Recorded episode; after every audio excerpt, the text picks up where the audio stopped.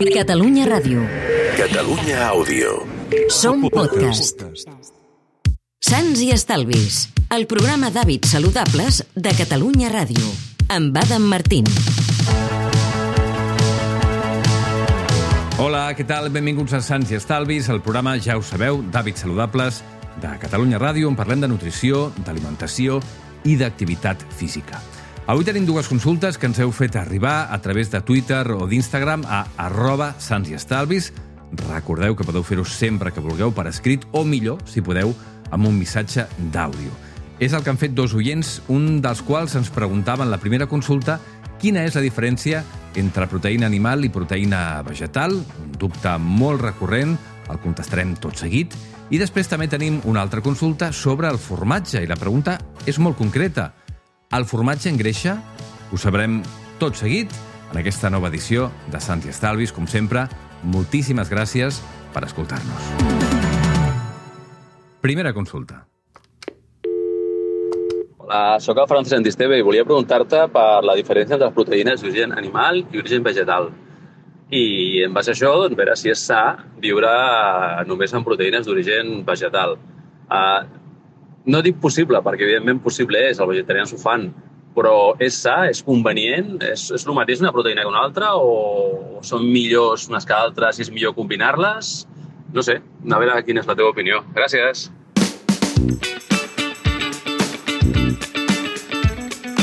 Francis, moltíssimes gràcies per la teva pregunta. Abans de contestar-la, un petit matís, perquè és una cosa amb la que em trobo sovint quan em demanen coses sobre nutrició o sobre activitat física. No estem donant l'opinió. En aquest programa no donem l'opinió perquè no ens cal.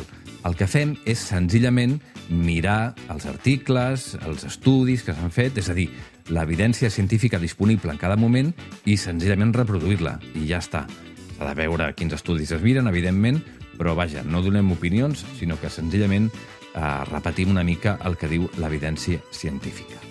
Uh, I què diu l'evidència sobre la dieta vegana i sobre les proteïnes en concret? D'entrada hem de saber que el que ens diuen els estudis és que ni la dieta vegetariana ni la dieta vegana són un problema en cap cas, ni per dones embarassades, ni per criatures, ni per gent gran, ni per persones malaltes, ni per esportistes, ni per qualsevol tipologia de persona. Sempre que la dieta estigui ben planificada, i aquesta és la clau. És exactament el mateix que passa amb la dieta omnívora. La dieta omnívora pot ser també molt sana, però també pot ser un desastre si està mal planificada, que a més a més és el que sol passar amb una part important de la població. L'únic nutrient que s'ha de tenir en compte és la vitamina B12, perquè aquestes dietes sí són deficitàries en aquest nutrient. Cosa que no passa amb la dieta omnívora perquè la B12 la gent que menja dieta omnívora l'obté a través de la carn i els animals l'obtenen també a través de suplementació. Per tant, en els dos casos estem parlant de suplementació, una indirecta, en el cas dels omnívors, que mengen carn, i l'altra directa, en el cas dels vegetarians. Però tu preguntaves per la proteïna. D'entrada expliquem ràpidament què és una proteïna, perquè són substàncies fonamentals per la salut. Són substàncies que estan fetes per cadenes d'aminoàcids i hem de dir que la proteïna vegetal i la proteïna animal són exactament el mateix. Totes estan fetes d'aminoàcids, dels mateixos aminoàcids, amb els mateixos noms, triptòfan, valina, alanina, leucina, isoleucina, és a dir, són idèntiques, idèntiques. La diferència és que arriben en un paquet diferent. Després entrarem en detall amb això, perquè això és el que marca una mica la diferència entre el que diem proteïna animal i proteïna vegetal. Són imprescindibles les proteïnes. Uh, serveixen pel manteniment dels teixits corporals, pel sistema immune, fan enzims, també transporten altres nutrients, també poden proporcionar energia, tot i que això és una mica més uh, secundaris. Què ens diuen els estudis sobre els vegans i les proteïnes? Doncs que la proporció de població vegana que té dèficit en el consum de proteïnes, és a dir, que consumeix poca proteïna, la proporció és la mateixa que a la població general. És a dir, no hi ha diferències entre la poca gent o la gent que menja proteïna malament, per entendre'ns, la població vegana o vegetariana, que la població convencional. Val? De tota manera, en general, avui en dia, ja no sé que visquem en un país que tenen dificultats per trobar uh, aliments, avui en dia, en el nostre cas i a casa nostra, pràcticament mai hi ha casos de dèficit de proteïna ni en vegetarians, ni en vegans, ni en omnívors. Seria un quadre molt, molt estrany, possible, evidentment, però, però molt estrany. Parlem d'allò de la diferència entre la proteïna animal i la proteïna vegetal perquè fa el paquet on van, que això marca la diferència, per exemple, a l'hora de digerir-les.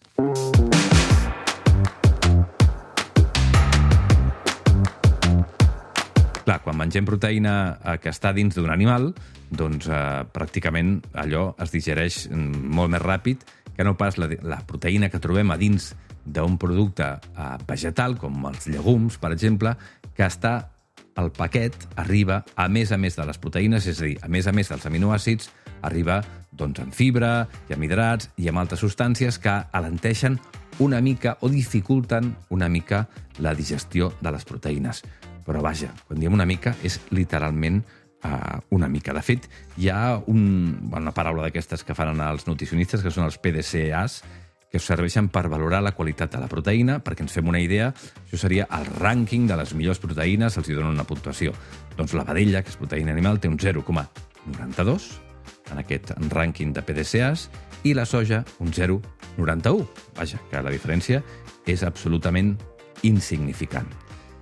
Una altra cosa que també s'havia dit, i amb això comencem a acabar perquè fa el tema proteïna vegetal, és que les proteïnes vegetals no tenen tots els aminoàcids essencials, és a dir, que no tenen proteïna completa. Això torna a ser mala ciència perquè sabem, per exemple, que hi ha bastants productes vegetals que contenen proteïnes completes, és a dir, amb tots els aminoàcids essencials. La soja, els cigrons, alguns tipus de mongetes, uh, la quinoa, l'amarant, festucs... Fins i tot els espinacs tenen tots els aminoàcids essencials. Que passa que amb una quantitat petita, però perquè veieu que tampoc seria una raó per decantar-se i pensar que la proteïna animal és millor que la proteïna vegetal. En aquest sentit, són pràcticament idèntiques. Quan diem aminoàcid essencial, estem parlant senzillament d'uns tipus d'aminoàcids que el nostre cos no pot sintetitzar no pot fabricar a través d'altres aminoàcids que estan presents al nostre organisme i els ha d'obtenir a través de l'alimentació. Com que sí que és cert que alguns productes vegetals o d'origen vegetal, com per exemple els cereals o els llegums, alguns tipus de llegums, tenen deficiències o tenen poca quantitat de determinats aminoàcids, durant molts anys s'ha repetit fins a la sacietat que els vegetarians i els vegans han de fer combinacions per obtenir proteïna completa. És a dir, barrejar, per exemple, llegum amb arròs. Així, el que li falta al llegum ho traiem de l'arròs i el que li falta a l'arròs ho traiem del llegum i tenim proteïna completa. Això és més vell que l'anar a peu i també és mala ciència perquè està superadíssim des dels anys 80 i això és una cosa que, bueno, d'aquelles coses que apareixen en, en un llibre en el seu moment, un llibre dels anys 70, precisament, que em sembla que es deia Diet of a Small Planet, de la Frances Moore, on deia això, que els vegetarians i vegans havien de fer combinacions de proteïnes o combinacions d'aminoàcids, si hem de ser estrictes, per obtenir proteïna completa.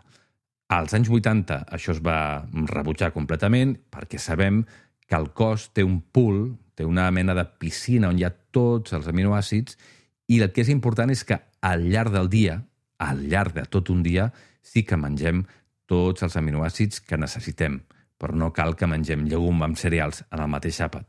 Podem, no sé, dinar mm, cigrons i esmorzar arròs, i aquí, en aquesta combinació, hi hauria tots els aminoàcids que necessitem, però al llarg del dia. No caldria que estiguessin en el mateix àpat.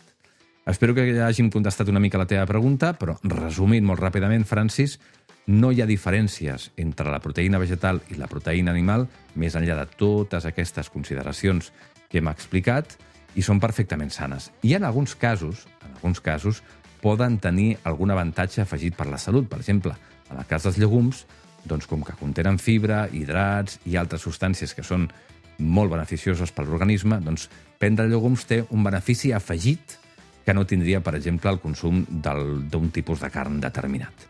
Per tant, no només són un problema, sinó que en alguns casos podrien tenir algun uh, avantatge. Això no vol dir que la dieta vegetariana sigui millor que la dieta omnívora. Només diem que els llegums, que formen part de les dues dietes o que haurien de formar part de les dues dietes, tenen avantatges pel que fa a, als beneficis que proporcionen respecte d'altres aliments de qualsevol dieta. Sants i estalvis. La salut que depèn de tu. Amb Adam Martín. Anem a la següent consulta.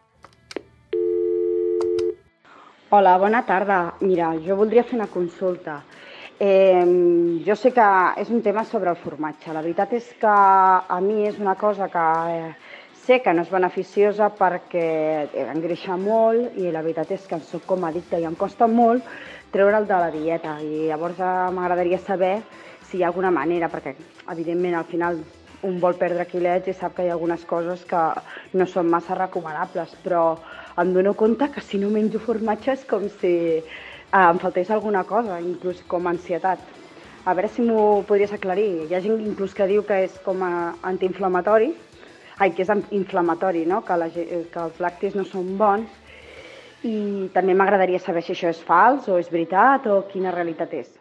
Doncs moltes gràcies per aquesta consulta, perquè és molt interessant, perquè apareixen molts elements que val la pena matisar. Primer pregunta si el formatge engreixa.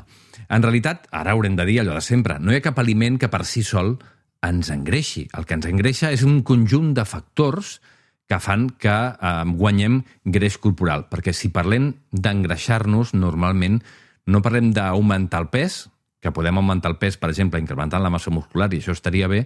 Quan parlem d'engreixar-nos en el sentit entre cometes, negatiu del terme, perquè no sempre és així, per això poso les cometes, estem parlant de guanyar greix corporal.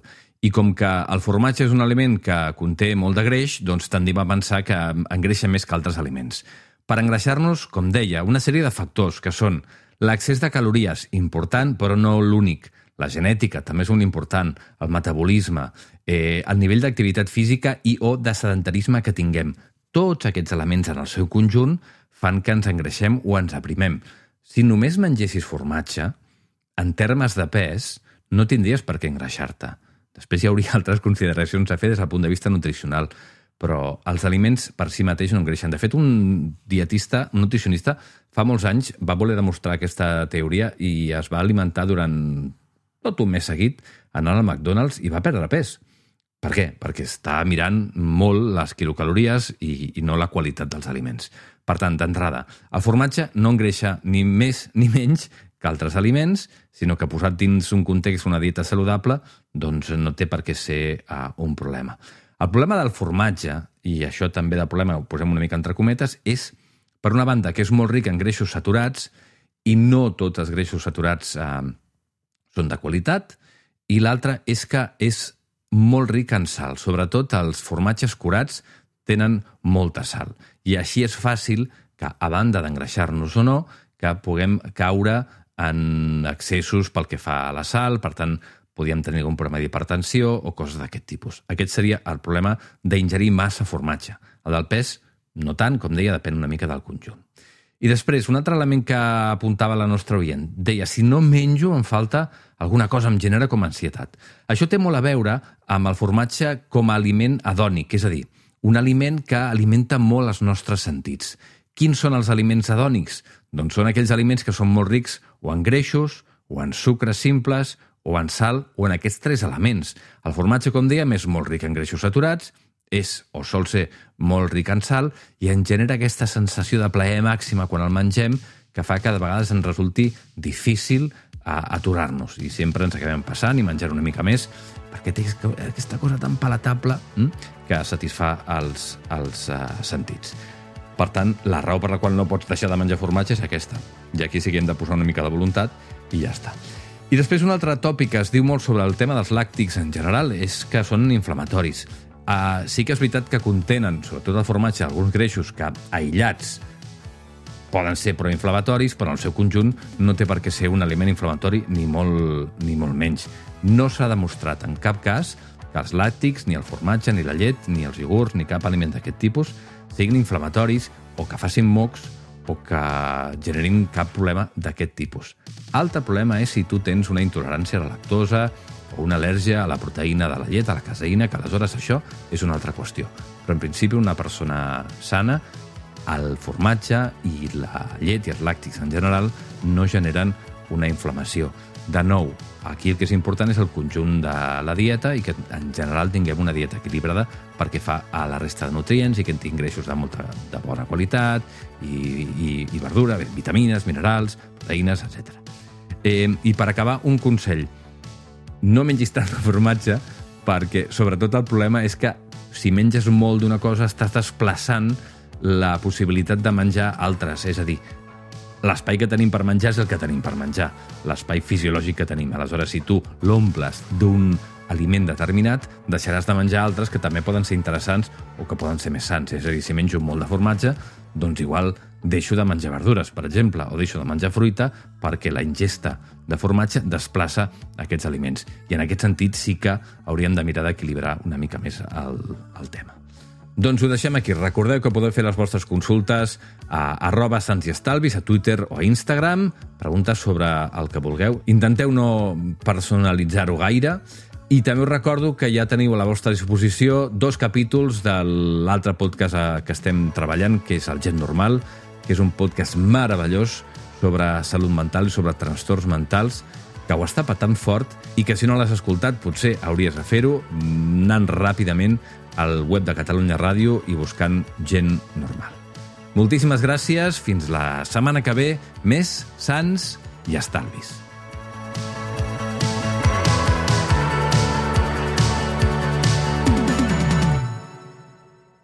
Catalunya Ràdio. Catalunya Àudio. Som podcast.